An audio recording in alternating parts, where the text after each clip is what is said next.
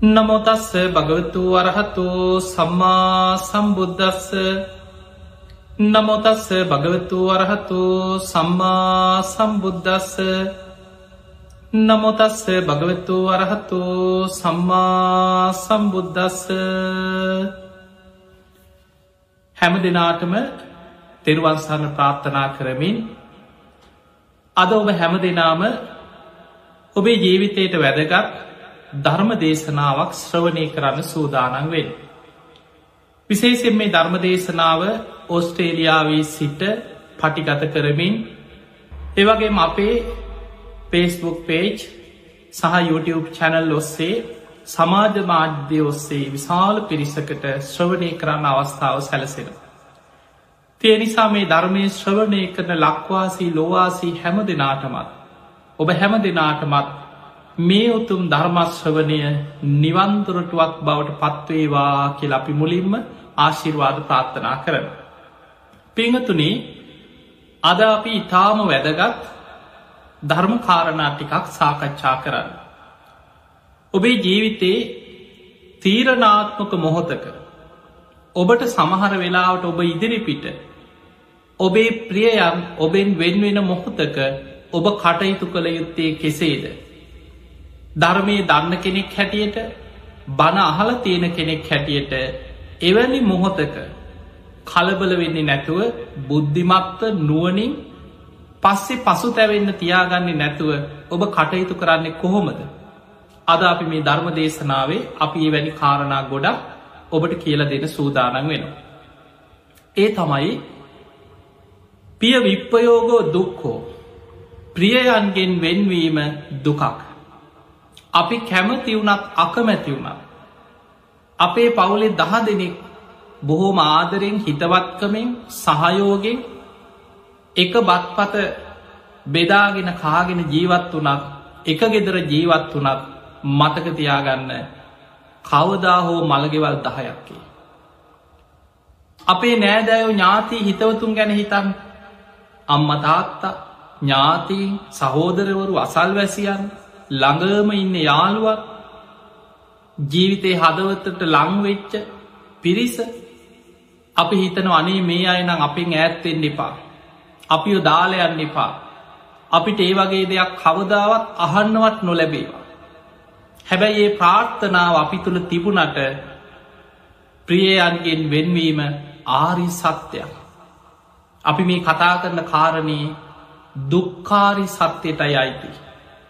ඉපදීමත් දුකක් ජාතිපි දුක්කා ජරාපි දුක්කා ව්‍යාධිපි දුක්කෝ මරනම්පි දුක්කා අපියෙහි සම්පයෝගෝ දුක්කෝ පියෙහි විප්පයෝගෝ දුක්කෝ යම්පිච්චන්න ලබති තම්පි දුක්කා ඔය විදියට බුදුරජාණන් වහන්සේ දුක විස්තර කරලා සංකිත්තේන පංචුපාදානක් කන්දා දුක්කා ශංශේපයෙන් ගත්තොත් හකුලෝල ගත්තොත් මේ පංච උපාදානස්කන්දය දුකක් කියල බුදුරජාණන් වහන්සේ පෙන්වා. එනිසා ප්‍රියයන්ගෙන් වෙන්වීම කියන එක දුකක්. අපිට විතරක් නෙමේ. කාමලෝක ඉන්න හැම දෙනාටම පංච කාමයන් තුළ ජීවත්වෙන හැම කෙනාම දුකට පත්වෙනවා ප්‍රියයන්ගෙන් වෙන්වීම තුළ ධර්මය සඳහන් වෙනවා අංගුත්තර නිකායි ගයික සූත්‍රය කියල දේශනාව. මේ දේශනාව බුදුරජාණන් වහන්සේ වදාළ මහනෙන මේ ලෝකෙ දෙවියොත් මනුස්යොත් ඔබ හොදට මේ ධර්මකාරණය තේරුම් ගන්න. මේ ලෝකෙ දෙවියොත් මනුස්යොත් ඇසට පේන රූප ජීවිතයේ නවාතැන් පොල කරගන්න. දැන් ඔබ ගලපල බලන්න මේ කාරණ කොච්චර ඇත්තද කියලා. කනට ඇහෙන සබ්ද ජීවිතයේ නවාතැන් පොල කරගන්න. නාසේට දැනෙන ගඳ සුවද ජීවිතයේ නවාතැන් පොල කරගන්න. දිවට දැනෙන රසය ජීවිතයේ නවාතැන් පොල කරගන්න. කයට දැනෙන පහස ජීවිතයේ නවාතැන් පොල කරගන්න. මේ පංච කාමයන් ගැන හිත හිතා ඒවට ඇලුම් කරමින් ඒවත් තුළ සැපය සතුට සොම්න්නස හොයමින් පංච කාමයන් තුළ ජීවත්වෙන කාමලෝකයේ දෙවියොත් මනුස්යොත් ජීවත්වෙන. දැන් ඔබ හිතන්න මේ කාරණය ඔබේ ජීවිතේ ඔබ වැඩිපුරම ඇහෙන් දකින්න කැමති ඔබ ප්‍රිය කරන අය.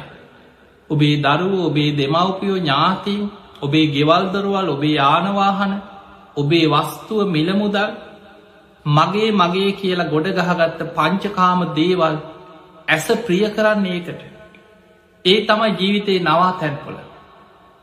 ඔබ කනෙන් අහන්න කැමති ඔබ ප්‍රිය කරන අයගේ හඬ ඒ අයගේ කතා ඒ අයගේ කටහඬ ඊළඟට ඔබ විදින්න කැමති පොඩි දරුවෙක් ගැන හිතන් මේ දරුවගේ රූපය දරුවගේ කටහඬ දරුවගේ සුවඳ දරුවත් තුරුල් කරගෙන මේ මගේ පුතා කියලේ දැනෙන හැඟීම ඒවට ඇලුම් කරනවා ඒවට ආස කරන.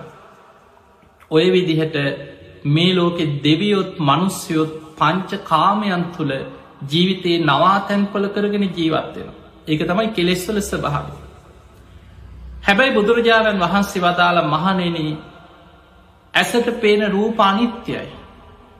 අපි කැමති වුණත් අකමැති වුණත් ඒවා නිත්‍යයි වෙනස් වෙනවා. කනට ඇහෙන සබ්ද අනිත්‍යයි අපි කැමති වුණත් අකමැති වුණත් ඒව වෙනස් වෙලා යන. නාසේට දැනිච්ච ගඳ සුවද අනිත්‍යයි ඒව වෙනස් වෙනවා. දිවට දැනෙන රස වෙනස් වෙනවා. කයිට දැනිච්ච පහස වෙනස් වෙන අනිත්‍යයි.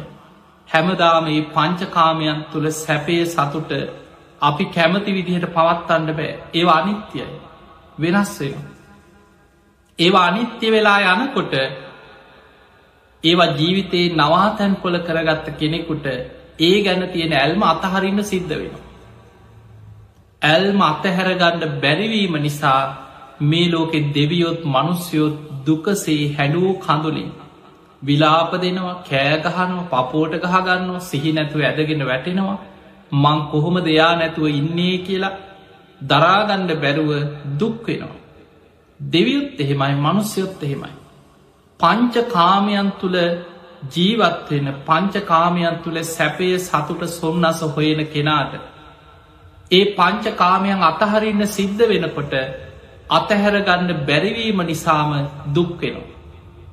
අන්න ඒ නිසා පිංහතුනේ අපි කාටත් අපි කැමති වුනත් අකමැති වුනත් ප්‍රියයන්ගෙන් වෙන්වීම පිය විප්පයෝගෝ දුක්කෝ මේ දුක අපි කරායනවා. අද අපි මේ ධර්ම දේශනාවද ඔබට විශේෂයෙන් සිහිපත් කරන්න උත්සාහ කරන්නේ ප්‍රියයන් නොබෙන් වෙන්වීම තුළ ඔබට කොච්චර දුකක් ඇති වුණත් ඔබ කොහොමද හිත හදාගෙන කල්්‍යයාන මිත්‍රයෙක් වෙන්නේ. ඔබේ මරණාසන්න ඥාතියට කල්්‍යයාන මිත්‍රයෙක් වෙන්නේ. පරලවින් අනුග්‍රහයක් කරන්න. ඒ කෙනා උපදින තැනට සුගතියක යන විදිහට ඔබ කොහොම දේ කෙනාට පිහිටවෙන්. ඉතාම වැදගත්දයක්. අපි දන්නවා සාමාන්‍ය සමාජය තුළ. බොහෝ දෙනෙක් කොච්චර බණහල තිබුණත් බණ දන්නවා. බණ අහනවා. ඒ අයි දන්නවා කෙනෙක් මරණාසන්න වෙනකොට කෑගහන්න හූතියන්න හොඳ නෑ කියලා දන්නවා. හැබැයි දැනගත්තට දැනගත් පමණින්ම මරණාසන්න කෙනෙක් ඉදිරී හැසිරෙන්න ඒ වෙලාවට සිහිය පිහිටන්නේ නෑ. බොහෝ වෙලාවට මරණාසන්න ඥාතියට ආදරී නාමෙන් හතුරික් බවට පත්වෙනවා ළඟඉන්න ප්‍රිය කෙනා. සමහර වෙලාවට කෑ ගහගෙන හූතියාගෙන අඩනවා. අඩාගෙන ඇඟට පනිනවා. දාලයන් එපෝ කියාගෙන ඇගේ එල්ලිලා අතේ එල්ලිලා බදාගෙන අඩනවා.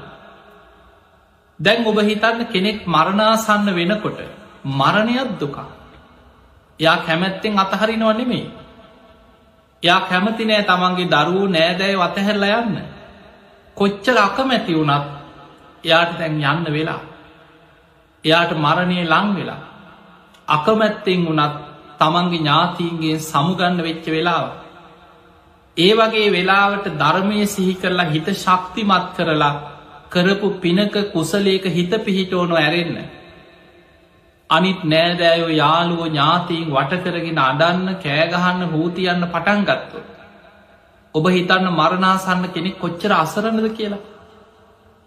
ඒ නිසා පිංහතුනේ මරණාසන්න කෙනෙකුට කල්්‍යාන මිත්‍රයෙක් වෙන්න දක්ෂවේ. ඒකෙනාට පරලවින් සංග්‍රහයක් කරට සුගතියක යන්න උපකාර වෙන විදිහට ඒකෙනාට පිහිටවෙන්.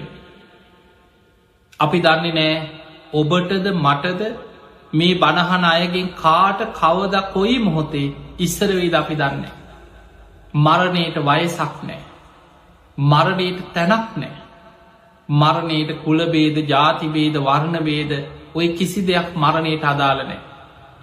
කෙනෙක් උගත්ද නූගත්ද කුලවද්ද කුල හීනද මෙයා බලවතෙක්ද මෙයා දුප්පතෙක්ද හීන කෙනෙක්ද ප්‍රනීත කෙනෙක්ද කොහෙ කෙනෙ ඒව එකක්කත් අදාරනෑ.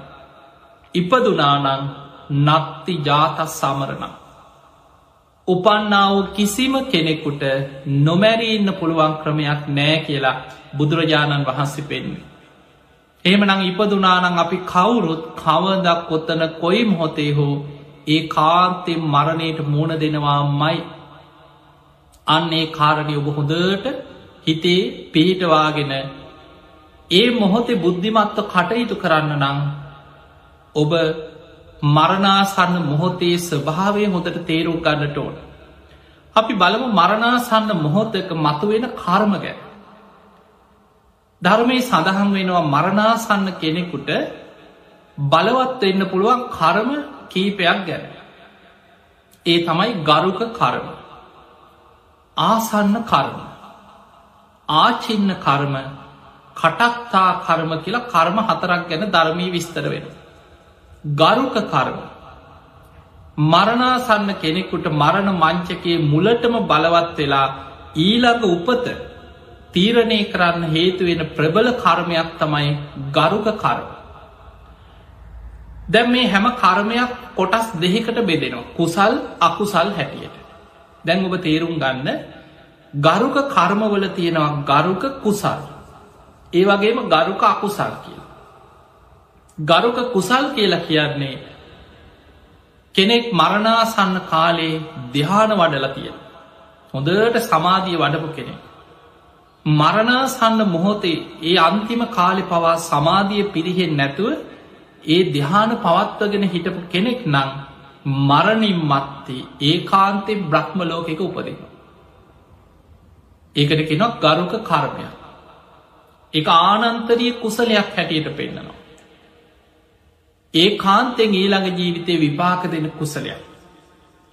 ඊළඟට ගරුක අකුසල් ගරුක අකුසල් කියලා කියන්නේ අකුසල් අතර ඊළඟ ජීවිතය ඒ කාන්තේ විපාක දෙන භයානක අකුසල් පහක් බුදු හාමුදුරුව පෙන්වා. පංචානන්තෙර යකුසල්. ඒවට ධර්මී කෙනක් ගරුක අකුසල්. තමන්ගේ මවමැරීම පියාමැරීම රහතන් වහන්සේ නමකගේ ජීවිතය තොර කිරීම බුදු කෙනෙක් මරන්න බෑ කාටුවක් මතක තියාගන්න. බුදු කෙනෙක්ගේ ජීවිතය විනාස කරන්න පුළුවන් කෙනෙක්. මේ දෙවියන් බඹුන් මරුන් සහිත ලෝකේ ශ්‍රමණක් බ්‍රාහ්මණයන් සහිත ලෝකේ මාරයාටවත් බුදු කෙනෙක්ගේ ජීවිතය විනාස කරන්න බෑ. යම් රාත්‍රියක බුදුරජාණන් වහන්සේ සියල්ලු කෙලෙසුම් ප්‍රහාණය කළ සම්බුද්ධත්වයට පත්වෙනවද. උන්වහන්සේ සම්බුදු කෘත්‍ය අවසං කරලා ආයු සංස්කාරයන් අතහැරලා පිරිනිවන් පාන අධිෂ්ඨාන කරලා සිය කැමැත්තෙන් අනුපාදිශේෂ පරිනිර්වාණයෙන් යම් දවසක බුදු කෙනෙක් පිරිනිවන් පානවද එතෙක් බුදුහාමුදුරුවන්ගේ ජීවිතයට අනතුරක් කරන්න ලෝකෙ කාටවත් බෑ. ඒක ලෝක ධර්මතාවයක් මේ විශ්වයේ තියෙන ධර්මතාවයක්. පංචානන්තරි අකුසල් හැටියට කරන්න පුළුවන් එකමදේ බුදුරජාණන් වහන්සේගේ ශරීරයේ ලේසෙලවීමක් පමණයි. දේවදත්ත ඒ අකුසලේ සිදු කරගත්තා. අපි කෙන ලෝහිත් උපාදක මේ ලේ සෙලවීමේ අකුසලි. ඉළඟට සංගබේද. ඒ සංග බේදයක් සාමාන්‍යද අපි ගමු සාමාන්‍ය කෙනෙකුට හිතෙන්ට පුළුවන් ඔය පන්සලේ එක්කු දායක සභාවක ප්‍රශ්නයක් හරි පන්සල්ලොල ප්‍රශ්නයක් අපි දන්න ඔය ගංවල පන්සල්ලොල සමහර කේලන් නිසා හාමුදුරුවරු තරහ වෙනවා බිඳවනවා එතකොට කෙනෙක් කියන්න පුළන් අන්න ඔයාව අර කියපු කේලම නිසා අර හාමුදුරුව දැන් අපි එක තරහ වෙලා ඔයා සංගභේදයක් කෙරෙවා කිය.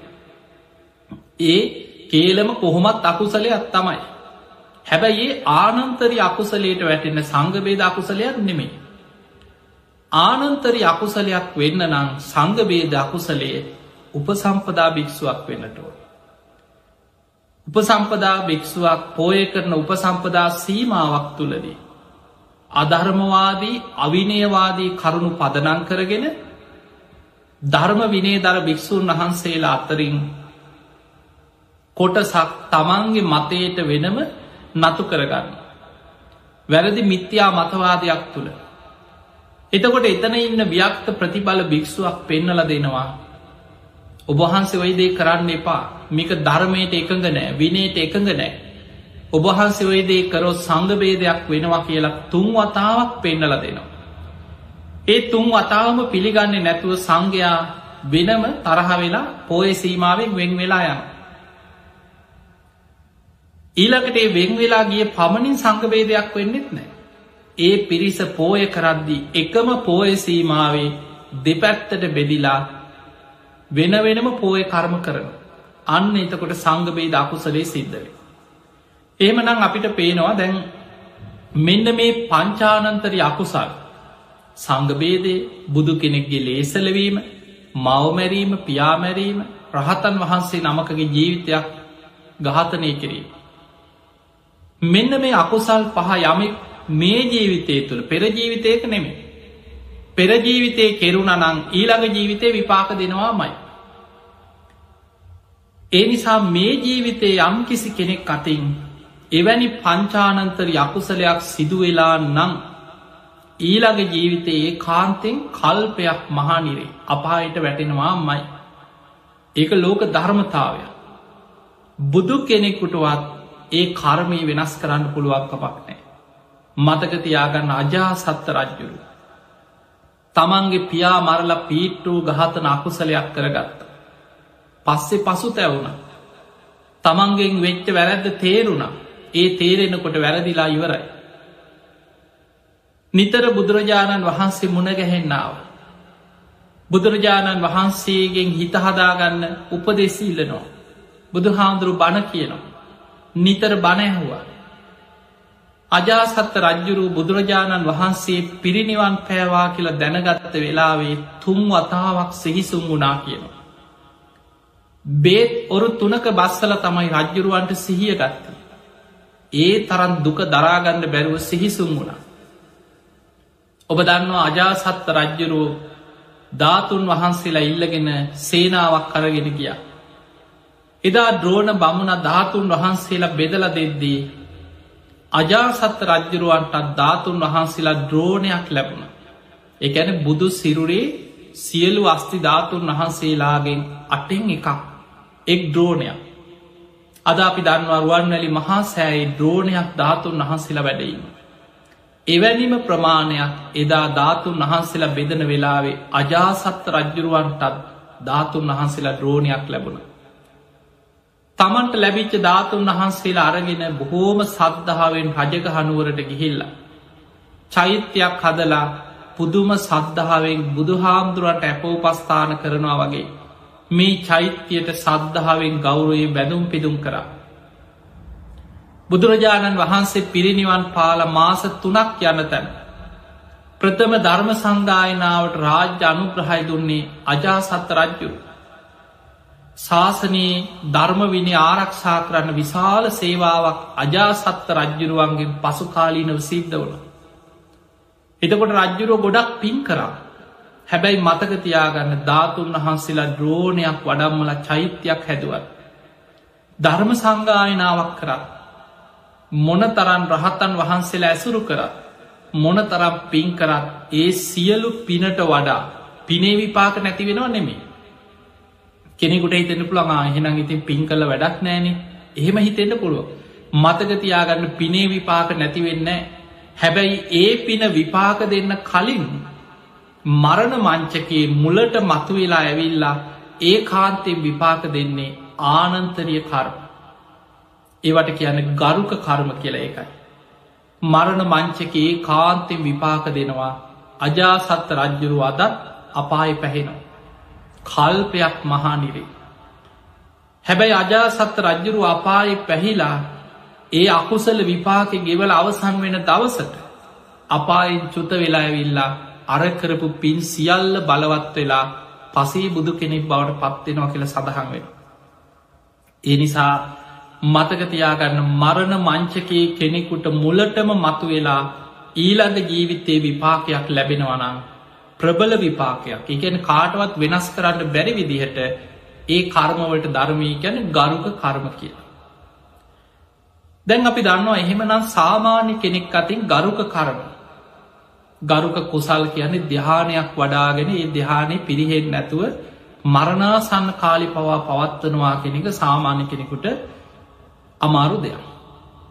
ඊළඟට ආනන්තරි අකුසල් අතර වුණත්. අද කලාතුරකින් කොහේ හරි ගමක කොහි හරි පැත්තක තමන්ගේ අම්ම මරපු පියාමරපු එවැනි ආනන්තරි අකුසලේක වර්තමානි කරන්න පුළුවන් ඔය වගේ දෙයක්.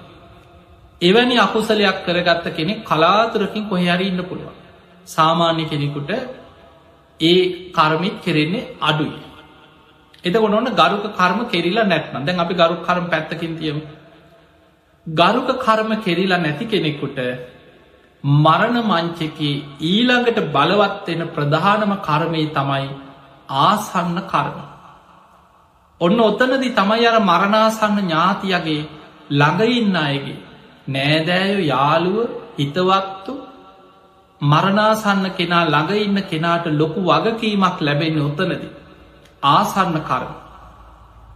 ආසන්න කර්ම කියන්නේ කොටස් දෙහෙකට බෙදෙනවා. ආසන්න කුසල් ආසන්න අකුසල් හැටියට. ආසන්න කුසල් කියලා කියන්නේ මරණාසන්න මොහොතේ තමන්ගේ ජීවිතයේ වෙලා තියෙන අකුසල් යටපත් වෙලා මරණ මංචකේ කුසලයක් මතුවේ. ඒ මොහොතේ පිනක් මතු වෙලා සුගති යන්න පුළුව. අර කරපු අකුසල් යටපත් කරගෙන මරණ මංචකේ කුසලයක් මතු කරන්න පුළුව. ඒක කරන්න හැකියාව තියෙන්නේ සමහර වෙලාවට හොඳට සිහිනුවනින් ඉන්න කෙනෙක් නම් තමන්ටත් ධර්මය මෙනෙහි කරලා කුසලයක් බලවත් කරන්න පුළුව. එක්ක තමන්ගේ ඥාතියකුට දරුවෙකුට ළඟ ඉන්න කෙනෙකුට. බුද්ධිමත් කෙනෙකුට පුළුවන් කනට කරලා හරි. අම්මට මතක යම්ම මෙහෙම පින් කර අම්ම බුදුගුණ ගැන හිතන්න රුවන්වැලි මහා සෑය ගැන අම්ම සිහිකරගන්න ශ්‍රී මහාබෝධිය ගැන හිතල අම්ම හිතෙන් හරි වන්දනා කරන්න. ඒ වගේ කනට කළ බුදුගුණ කියනවා. කරපු පිනක් මතක් කරලා දෙන්න. අන්නේ වෙලාවට සමහරය අපි දන්න අනේ සාදු අනේ සාධ කියාගෙන පණ යනවා. එතකොට අර ළඟ හිටපු කෙනා මරණාසන්න කෙනෙකුට කල්්‍යයාන මිත්‍රයෙක් වෙලා. ඒ මොහොතේ අකුසලයක් බලවත්වෙන්න ඉඩ නොදී මරණ මංචකී කුසලයක් මතු කරලා දුන්න. අන්න ආසන්න කුසල් කියන්නේ වට. ආසන්න කරම. ඒ මොහොතේ බලවත්වෙන්න පුළුවන්. ඒ නිසා තමයි ඉස්සර ඔබ දන්නවා පින් පොතක් කියලා. පින් පොත් ගැන අහල ඇතින. අපේ පැරැන්න තුළ තිබුණ පින් පොත. දුටුගැම රජ්ජුරුවන්ටත් තිබුණකින පින් පොතක්. තමන් කරපු පින්කම් මේ පොතේ ලියලා නිතර සිහි කරගන්න ම මෙහෙම පින් කරා මෙහෙම පින් කරා කියලයි කරපු පින් බලවත් කරගන්න. පින් පොතේ ලියලා තියාගන්න. නිතර පෙරල පෙරල බලනවා පොඩි දරුවෙක තැන් ඇස් දෙක පේ නැත්නම් වයිසට ගිහිල්ලනම් කියවන්නත් අමාරුනම් අර පින්පොත දිහා බැලුවත් මේ මගේ පින්පොත මං පොත් පිරෙන තරම් පින් කරගත්තා කියලා සතුටක්. පොඩිලාමයකුට හරි කියනවා මට ඇහෙන්න මේක කියවපන් කියලා පොඩිලාමයකුට හරි කියලා අහගෙන ඉන්නවා. පරණ ආච්චිල සියලා එහෙම පුරුදුනා. දුටුකැම රජ්ජුරු මරණාසන්න වෙච්ච වෙලාවේ පිම් පොත කියද්දී කරපු පින්කම් බලවත් වනා කියල සඳහන් වෙනවා. ඒ නිසා මරණාසන්න කෙනෙකුට පිනක් කුසලයක් සිහිපත් කරලා දීම ඉතාම වැදගත්දයක්. ඊළඟට ආසන්න අකුසල් තියෙන එක භයානක දෙයක්.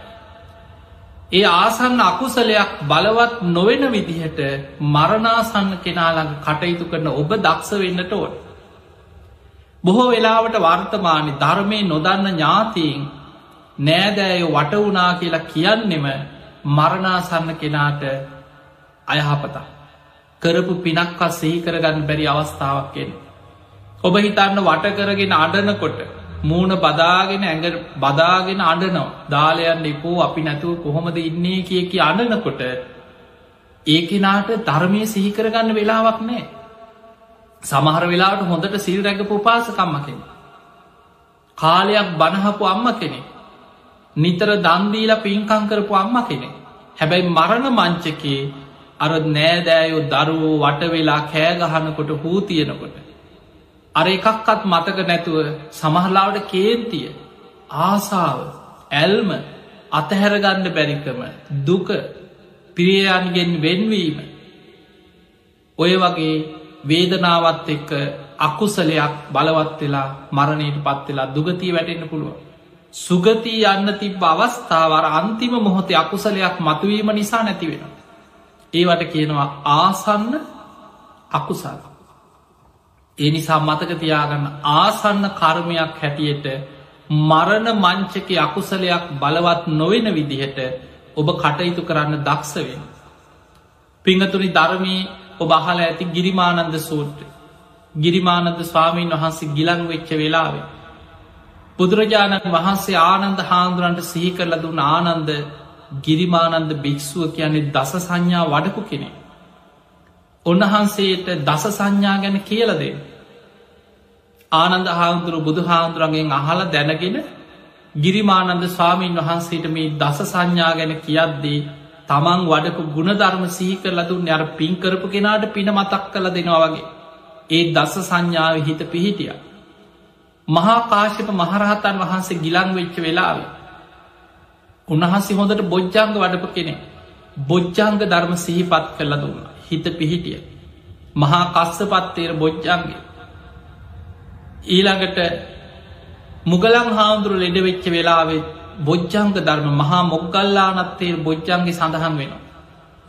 අනාත පින්ඩික සිටතුමා ගිලං වෙච්ච වෙලායි බුදු හාමුදුරු වැඩම කළයි අවස්ථාවක සෝතාපත්ති අංග ගැන පැහැදිලි කරලා දුන්න. ඒකට හේතු අනාත පින්ඩික සිටතුමා සෝවාන් වෙච්ච කෙනෙ. තමා තුළ තියෙන සෝතාපත්ති අංග සිහිපත් කරලා දෙනකොට සූපත් වුණු. එතකොට ඔය වගේ කෙනෙක් වඩපු යම් ගුණයක් තියෙනවනම් ඒ ගුණේ සිහි කරලා දෙන එක වටිනව මරණාසන්න කෙනෙකුට. අපි දන්න අපේ පැරැන්නෝ ඔබ බලන්න ඔබේ අම්මල තාත්තල ආච්චිල සීල පරණ ගංවල සිදුවීම ඔබ නිකං හිතන් කෙනෙක් ලෙඩ වෙලා මරණාසන්න වෙනකොට. එක්ක වෛද්‍යවරුත් කියනවා දැම් මෙයාට කැමති ආසා කරන දෙයක් කණ්ඩ බොන්න දෙන්න මෙයා දැන් සනීප කරන්න අමාරුයි දැම් මේ අන්තිම කාලේ ඉති ඔය වගේ ඔබ දන්නවා සමහරලාට වෛද්‍යවරු කියන අවස්ථා තියෙන. එවැනි වෙලාවක දරුවෝ බුද්ධිමත් වන හම සමහරලාවට ඔන්න ස්වාමීන් වහන්සේ නමක් වඩම්මල පිරිට්ටිකක් කියෝ. ඒ වෙලා පිරිකරක් හරි ගෙනහලාර අම්මට අතගස්සල පූජ කරෝන. අර ස්වාමීන් වහන්සේලාට පිරිකරක් පූජ කරෝන. ඊළඟට ගෙදර දානයක් දෙනවා. අර අම්ම උත්සගෙන හරි ඇවිල්ලා දානි හැන්දක් බෙදෝනවා. එතකොට ඔය විදිහට කෙනෙක් ජීවත් වෙලා ඉන්න අන්තිම කාලේ එයාට මරණ මංචකයේ බලවත් වෙන විදිහට දානාදී පින්කං කරවනු. ඊළඟට යාලාව පිරිකර අතගස්සල හරි ඇදේ හිටියත් පූජ කරෝන. ළඟ ඉන්න කෙනා දක්ෂ වෙන්න ඕනෑ නිතර ලෙඩරෝග ඉඩකඩම් ප්‍රශ්න දරුවන්ගේ ප්‍රශ්න සහෝදරයන්ගේ ප්‍රශ්න කේලක් කියන්නේ නැතුව සමහරලාවට සමහර අවස්ථා බොහොම අවාසනාවන්ත සිදුවීම් තියෙනවා. අපි දන්නවා සමහර සිදුවීම් ඒවා මේ මාධ්‍යවලින් කියන්නත් නුසුදුසු සමහර සිදුවීම්. සමහර දෙමවපියෝ මරණාසන්න වෙච්ච වෙලා මේ පණයන්න ඔන්න මෙන්න. දුවගෙන ගිහිල්ලා කොළයක් ගෙනහි ලස්සන් ගන්න. ඇගිලි අස්සන හරි ගහගන්නවා ඉඩම ලියාගන්න. එක්කො මරණාසන්න වෙලාවේ අම්මල තාත්තල ළඟයි නම් පුළුවන් තරන් කනට දෙන්නේ. අම්ම අරයට තමයි වැඩිපුර සලකන්න. මහගෙදර ලියලා තියෙන ලොකුව කාට ඇයි අපි ළමයි නෙමෙයිද. ඔහොම කිය කිය අර මරණාසන්න දෙමවපියන්ට තව තවත් පීඩාවල් දෙනවා. මරණාසන්න මොහොතෙත් හදන්න පලිගන්න තමන්ට ඉඩමි කොටසක් වැඩිපුර දුන්නෑ කිය. එදකොට මේ වගේ දරුවෝ නෑදෑය වටවුනාට පස්සේ. අර මරණාසන්න කෙනෙකුට කුසලේක පිනක හිත පිහිටවන්න බැරිවෙන. ඒ නිසා පිංහතුනේ කවමදාවත් මරණාසන්න කෙනෙකුට මොකද ඔබට ඔබේ ජීවිතය ඕන තරන් එහෙම අවස්ථා එන්න පුළුවන්. සමහරලාට ඔබ වෛද්‍යවරයක්න වෛද්‍යවරයෙක්න හෙදියක්න රෝහල් කාර්යමණ්ඩලේ කෙනෙක්න. ඔබ ඉදිරිපිට ඔබේ ඇස් ඉදිරිපිට කොච්චර ලෙඩ්ඩු රෝගී මැරිල ඇත්ද. සමහර වෙලාවට ඔබ වැඩිහිටි නිවාසක කටයුතු කරන කෙනෙක් නම්.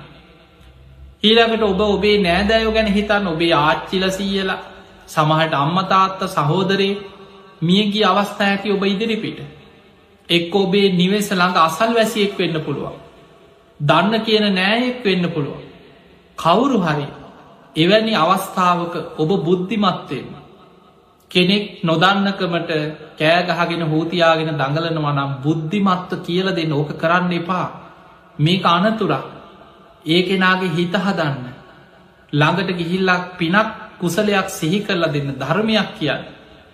ඒ විදිහට ඔබ බුද්ධිමත්වවෙන්නට ඕන. ඔබට පුළුවන් මරණාසන්න කෙනාට පිහිටවේ. පිංහතුරි මතක තියාගන්න කෙනෙක් කවුරුදු හැටක් හැත්තෑවක් අසුවක් අනුවක් ජීවත්වෙනවා කියන්නේ. ජීවිත කාලෙ කොච්චර බැදීන් ගොඩක් ඇති කරගන්නවාද කියලා හිතන්න. මොකද අපි මේ කතා කරන්නේ මේ සෝවාන් වෙලා මැරෙනයි ගැන නෙමේ. කෙනෙක් සෝතාපන්න වෙලා නං ඉන්නේ කවුරු වට වෙලා හෝ තිබ්බත්. මරණාසන්න මොහොතේ වට වෙලා පොළුවලින් ගැහුවත්. කොච්චර වද දුන්න සෝවාන් වෙච්ච කෙනා සුගතිී අනක වලක් කන්න බෑකාටවා. දැන් ඔබ දන්නවන බිම්බිසා රජ්ජුරු බිම්බිසා රජතුමා සෝවාන් වෙච්ච කෙනෙ. හැබැයි හිර කුටියක දාලා වද දුන්න. යටිපතුල් පලල ගිනි පොකුරුට ඇවිත් දෙව්වා කිය. උඩ එල්ලලා යටිපතුල් පලලා වද දුන්න කිය.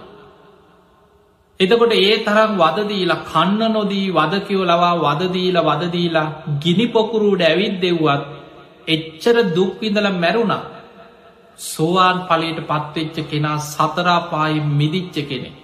සදහටම මිදිච්ච කෙනෙ. ආයි මරණ මොහොත්තේ බලවත් එන්න දෙයක් නෑ අමුතුවෙන් අපායගාමි කර්මය. බුදුරජාණන් වහන්සේ පෙන්වේ සෝවාන් වෙච්ච කෙනා සතරාපායකට වැටෙනවා කියන එක සිද්ධ නොවෙන දෙයක්. එහෙමනම් අපිට පේනවා පෘතජ්ජන කෙනාටයි මේ අනතුරතියෙන් ධර්මය අවබෝධ නොකරපු කෙනාට මරණාසන්න මොහොත තීරණාත්මක තැන. එවැනි තැනකදී ඔබ බුද්ධිමත්වෙන ඔබ ගොඩාක් ධර්මී දන්න නැති කෙනෙක් වෙන්න පුළුවන්. හැබැයි ඔබට පුළුවන් බුදුගුණ ටික කණට කළ බුදුගුණ සීකරවන්න සද්ධාව හිත පිහිටවන් මතකතියාගන්න ධර්මී සඳහන් වෙනවා මරණ මංචකයේ බුදුගුණ ගැන හිත පිහිටියෝ. දහසක් අකුසල් යටපත් වෙලා සද්ධාව බලවත්තෙන්. ඒ තරම් ප්‍රබල පිනක් බුදුගුණ මනසිකාරය.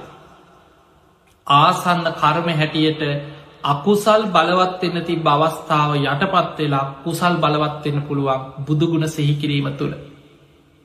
ඒ නිසා නිතර කනට කරලා හරි සමහර වෙලාවට අපි දන්නවා සමහරය ස්පිරිතාලවල දැන් අදගත්තහම ඉස්සර නම් බොහෝ දෙනෙක් එක්කෝ ගෙවල්වල තමයි ලෙඩ වෙලා ගමේ වෙද මහත්තයෙක් ඇවිල්ල බැලුවා.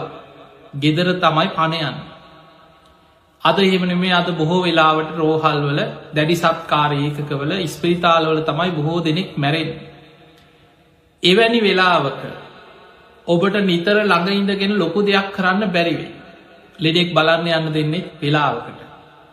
ඊළඟට ළඟ ඉන්න දෙන්න සමහර දැන් දැඩි සත්කාරයකකවල වගේ මේ ගිහිල්ල ළඟ නෑදෑයන්ට වාඩි වෙලා ළඟින් ඉන්න බෑ. හැබැයි ඔබ බලන්න ගිය වෙලාවට හරි.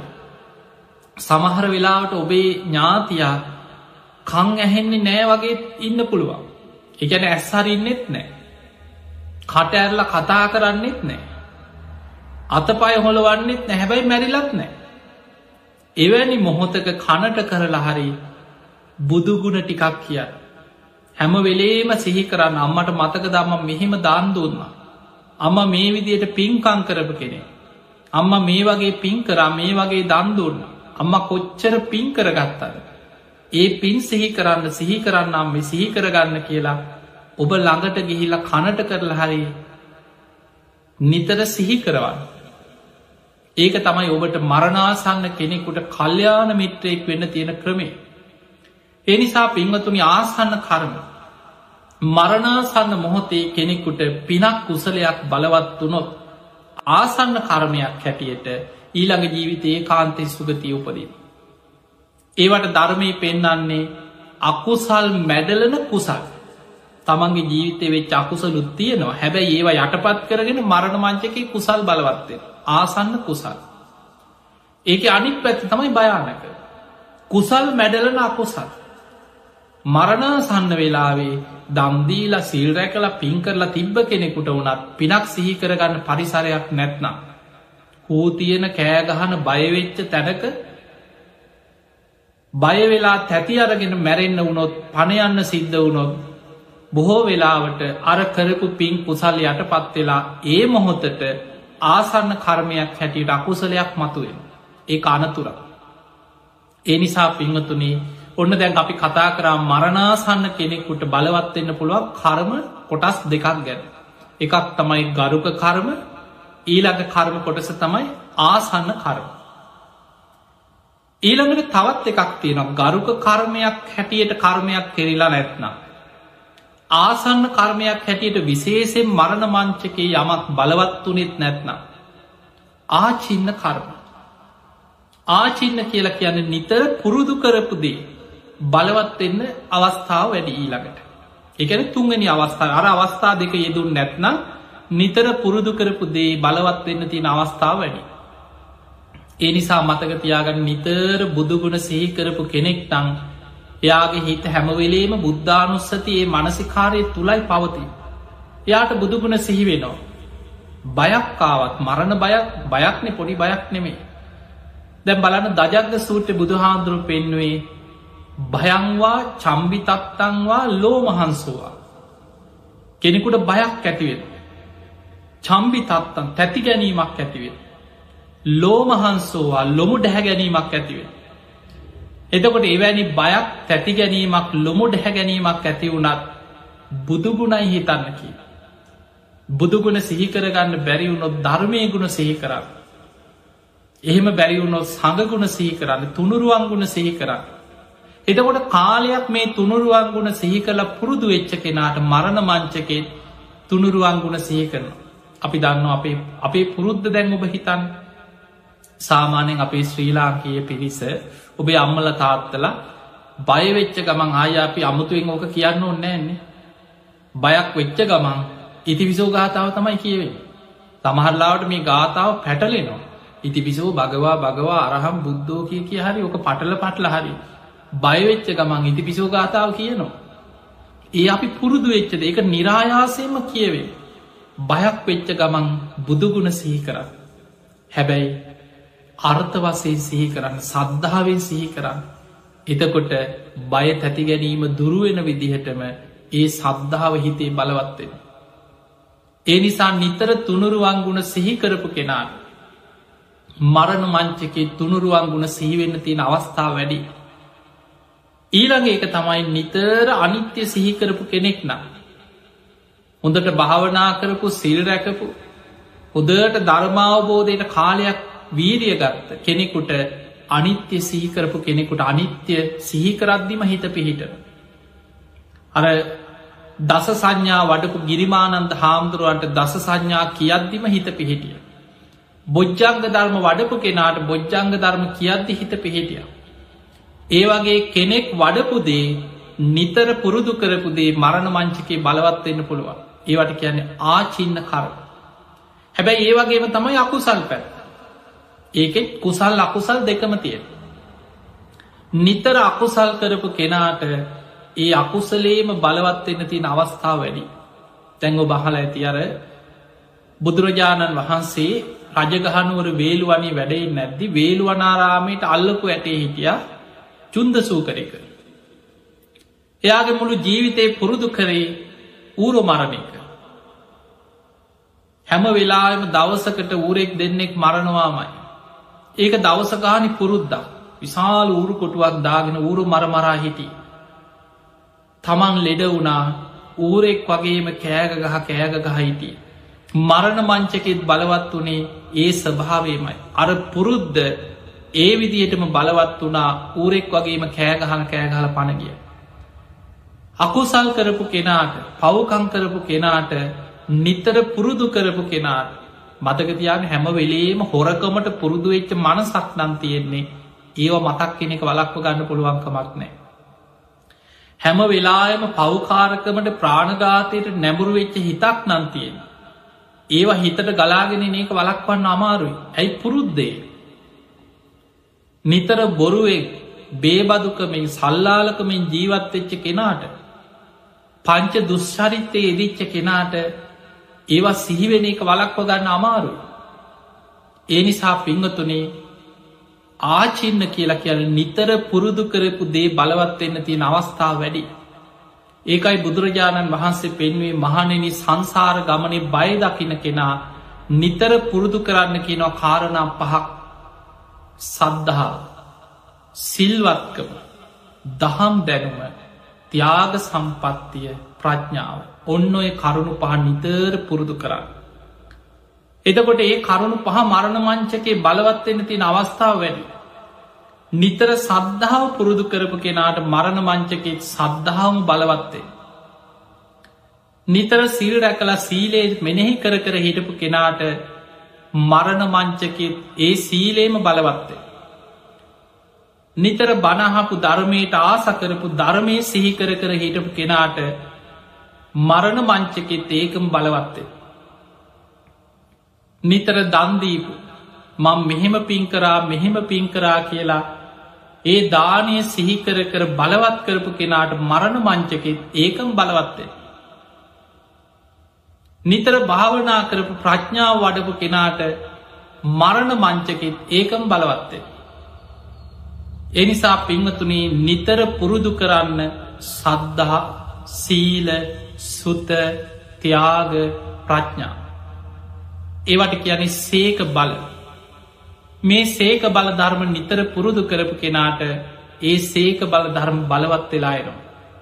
අන්නේ නිසා මරණාසන්න මෝතේ අසරණ නොවෙන්න නං ඔබ නිතර සද්ධාව දියුණු කරන්න. නිතර සිල් රකින්න. නිතර පින් කරන්න කරපු පින් නිතර නිතර සිහි කරන්න. පුළුවන් තරම් භාවනා කරන්න. ඔබේ හිත හැම වෙලාම කුසලයක් තුළ පුරුදු කරන්න දක්ෂවේ. ඊළඟට මේ මරණාසන්න කෙනෙකුට බලවත් එන්න පුළුවන් තවත් කර්මයක් තියෙන අවාසනාවන්තීරනවා. ඒ තමයි අර ගරුක කර්මයක් හැටියට කර්මයක් බලවත්තුන් නැත්න. ආසන්න කර්මයක් හැටියට විශේසේ කුසල් යටපත් කරගෙන අකුසලයක් හරි අකුසල් යටපත් කරගෙන කුසලයක් හරි බලවත්තුනෙත් නැත්න.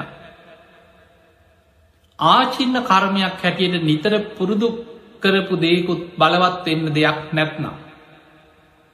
කටක්තා කියලා කර්මත් ස්භාවයක් ගැන ධර්මය පෙන්න. කටක්තා. පිංහතුන මේ කටක්තා කර්මය කියලා කියන්නේ දුරුවල අවස්ථාව. එවැනි මොහොතක තමන්ට වුවමනාවෙන් යමක් කරන්න බැරි දුරුවල වෙලාවක දුරුවල කර්මයක් බලවත්තේ. ඒ කියන ඔබ හිතන්න මෙහෙම තත්ව දැ සමහරයි ඉන්නවා මරණාසන්න වෙනකොට සිහිකල්පනාව නෑ. එයාට සිහියෙන් බුදුගුණ හිතල පිනක් බලවත් කරගන්නවත් කෙනෙක් ළඟ ඉදං කියන දෙයක් අහලා මෙනෙහි කරලා කුසලික හිත පිහිටවන්නවත් එහෙම නුවනක් නෑ. හැබැයි යා මැරිල නැත්නං සමහරු ඉන්න මැරිලත් නෑ මැරිලා වගේ ඉන්න. ඇස්සරින්නෙත් නෑ කට ඇරල කතා කරන්නෙත් නෑ යන්තන් හැන්දෙන් එක්ක දීවට වතුර ටිකක් දාන්න. එක්ක මොනවහරි දියර පිටිය එකක් යම්තන් පෝඩෝ. සේලයින් එකක් දෙනවා. ඇගේ පණ තියෙනවා හැබැයි කතා කරන්න ඇස්සරින්න ඔහෙ ඉන්නවා. එවැනි අවස්ථාවක මතකතියාගන්න හිතේ සිතුවිලි ධාරාව නැති වෙලා නෙමේ. භවාංග චිත්ත පරම්පරාව කියලා අභිධර්මය විස්තර වෙන අපේ මේ සිතුවිලි පරම්පරාව නොසින්දී ගලාගෙන යන චිත්ත පරම්පරාවක් තියෙන. එදකොට අපේ හිතට හැම වෙලාම මොකක් හෝ සිතුවිල්ලක් දැන් ඔබ නින්ද හිතන් නින්දෙන් මැරුණොත් උපදිනවද නැන්ත. උපදිනවා. සමහරු විතනො නෑවේ වෙලා ඉතින් අරමුණක් නැති වෙලා එහෙම අපෙන් අහන ඉන්නවා. ඒනං ඉතින් උපදින් නැත්නං ඔන්න උපදින් නැත්නං ඉපදීම නිසා හටගන්න ලෙඩවීම වයිසටයාම මරණය පිය විප්පයෝගදු කප්පිය සම් ඔය දුක් කොක්කොම ඉවරයින හෙන. අපි මේ නිවන් දකිනවා කියලා වීරිය ගන්න මොකටද. මේ ඉපදීමෙන් මිදන්න. ජරා මරණ සෝක පරිදිව දුක්දොම්නස්වලින් මිතෙන්න. ඒ නිසා නින්දෙන් මැරුණත් හිත ඒ මොහොතේ පවතින හිතට බලවත් වෙච්ච කර්ම විපාකයක් මත ඊළඟ උපත සිද්ධ වෙන. ඒ චුති සිතට අනුව ප්‍රතිසන්ධ චිත්තේ පහළවෙන්න. කෙනෙ කවුරුදු ගානක් එක්තැන් වෙලා ඇස්සරින් නැතුව මැරුණ වගේ ඇඳක ඉඳල පණයනවා. අපි දකිනව සමහර අටවල් වල සමහර රෝගීන් අවුරුදු ගනම් මැසින් වල ඉන්න. ඔය කෝමා වගේ රෝග තත්ව ගැන බහල ඇත. ඇක්සිඩන්ට් වෙලා මොලේ මැරිල. හැබැයි හදවත වැඩ කර. සමහර අසනීපතියෙනවා එක්ක මොලේට විසබීජයක් ගියා කියයි ස්නායු ආබාධයක් කියයි මොලේ මැරීගෙන යනවා. හැබැයි යා මැසින් එකින් ඉන්නවා. එවැනි කෙනෙකුට සිහි කල්පනාවෙන් නුවනින් විමසලා අරමුණක් බලවත් කරගන්න බැරි අවස්ථාවක් වෙන්න පුළුව. හැබැයි එහෙම ඉදලා මැරෙනකොට උපදින් නැතුවනම යා උපදින. අපිට කියන්න බෑ මොනවගේ තත්ත්වයකද එයාගේ හිත පැවතුනේ. එයාගේ පණ යනකොට එක්වර මැසින් එක ගලෝන වෙලාවක. එයාගේ හිතට බලවත් එච්ච සිතේ තිබ්බ සිතුවිලි ධාරාව තුළ යම් සිතක් අන්තිම සිත හැටියට මතුවනාද ඊට අනුව ප්‍රතිසන්ධ චිත්තය පහළවේ. ඒ නිසා මතක තියාගන්න මරනාසන්න මොහොත කියන්නේ කෙනෙක්ගේ ජීවිතයේ තීරනාත්මක තැන. අපි අද මේ ධර්ම දේශනාවිදි කතා කරේ අපිට මොකක්ද ඒ වෙලාවෙ කරන්න පුළුවන්. මරනාසන්න කෙනෙක් ඉදිරියේ එයා සිහියෙන් ඉන්න වෙලාවකන ඔබට ලොකු දෙයක් කරන්න පුළුව කල්්‍යයාන මිත්‍රයෙක් වෙන්න පුළුවන් ඒ කෙනා බය කරන්න නැතු ඒ කෙන අසරණ කරන්න නැතු ඒ කෙනාට අකුසලයක් තරහක් කේන්තියක් ඇති නොවෙන විදිහට හිත හදන්න ධර්මය සිහි කරලදේ මේක තමයි ලෝක ස්වභාවය කියලා අනිත්‍ය මෙනෙහි කරලදේ බුදුගුණ සිහි කරලා දෙන්න. ධර්මී ගුණ සිහි කරන්න සඟගුණ සිහි කරලා දේ කරපු පින්කම් මතක් කරන්න. අම්මට මතක යම මෙහෙම පින් කර. තාත්තට මතකද මේ වගේ පින් කරා. අපි මෙහෙම මෙහෙම පින්කං කරා ඒ පින් සිහි කරගන්න කියලා පින බලවත් කරන්න ඒක තමයි ඔබට මරණාසන්න කෙනෙක් වෙනුවෙන් කරන්න තියෙන විශාලම යුතුකම පියවිප්පයෝගෝ දුක්කෝ ප්‍රියන්ගෙන් වෙන්වීම දුකක් මයි හැබැයි ඒ දුක ඔබටද මටද අපි කාටද කාට කවදා කොත්තන කොයි මොහොත ඉස්සරවේද අපි දන්නේ. ඒක තමයි ලෝක ස්වභාවය. හැබැයි ජීවිතයේ යථා ස්භාවයේ තේරුම් අරගෙන ධර්මය තුළ ජීවත්තේ. කරුණු පහක් නිතර පුරුදු කරා. එතකොට මරණ මංචක ඔබ අසරණ වෙන්න. මරණ මංචක අසරණ නොවෙන්න නම් මැරෙන්න්න වැටෙනකංඉන්න එපා ධර්මයහන්. මැරෙන්න්න වැටෙනකංඉන්න එපා පිනක් කරන්න. මැරෙන්න්න වැටෙන කඟින් එපා ධර්මය අල්ලන්න. මරණ මංචක අසරණ නොවෙන්න නං හොඳට සිහිනුවන තියෙන වෙලාවේ කරුණු පහක් පුරුදු කරන්න. ඒ තමයි සද්ධාව සිල්වත්කම දහම් දැනුම ත්‍යාග සම්පත්තිය ප්‍රඥාව මේවට ධර්මය යැන සේක බල ධර්ම කිය. මෙන්න මේ සේක බල ධර්ම දියුණු කරගෙන. ඔබ හැම දෙනාටම මේ ලැබිච්ච මනුස්ස ජීවිතය අවසන් වෙන්න පෙර සද්ධහාදී ගුණ ධර්ම දියුණු කරගෙන. උතුම් වූ ධර්මයම අවබෝධ කරගන්නම ධර්මීම දියුණු කරගෙන ධර්මාවබෝධ පිණිසම මේ ධර්මශ්‍රවනය ආශිර්වාදයක්ම වේවා වේවා වේවා කියලපි ආශිර්වාද කරනවා.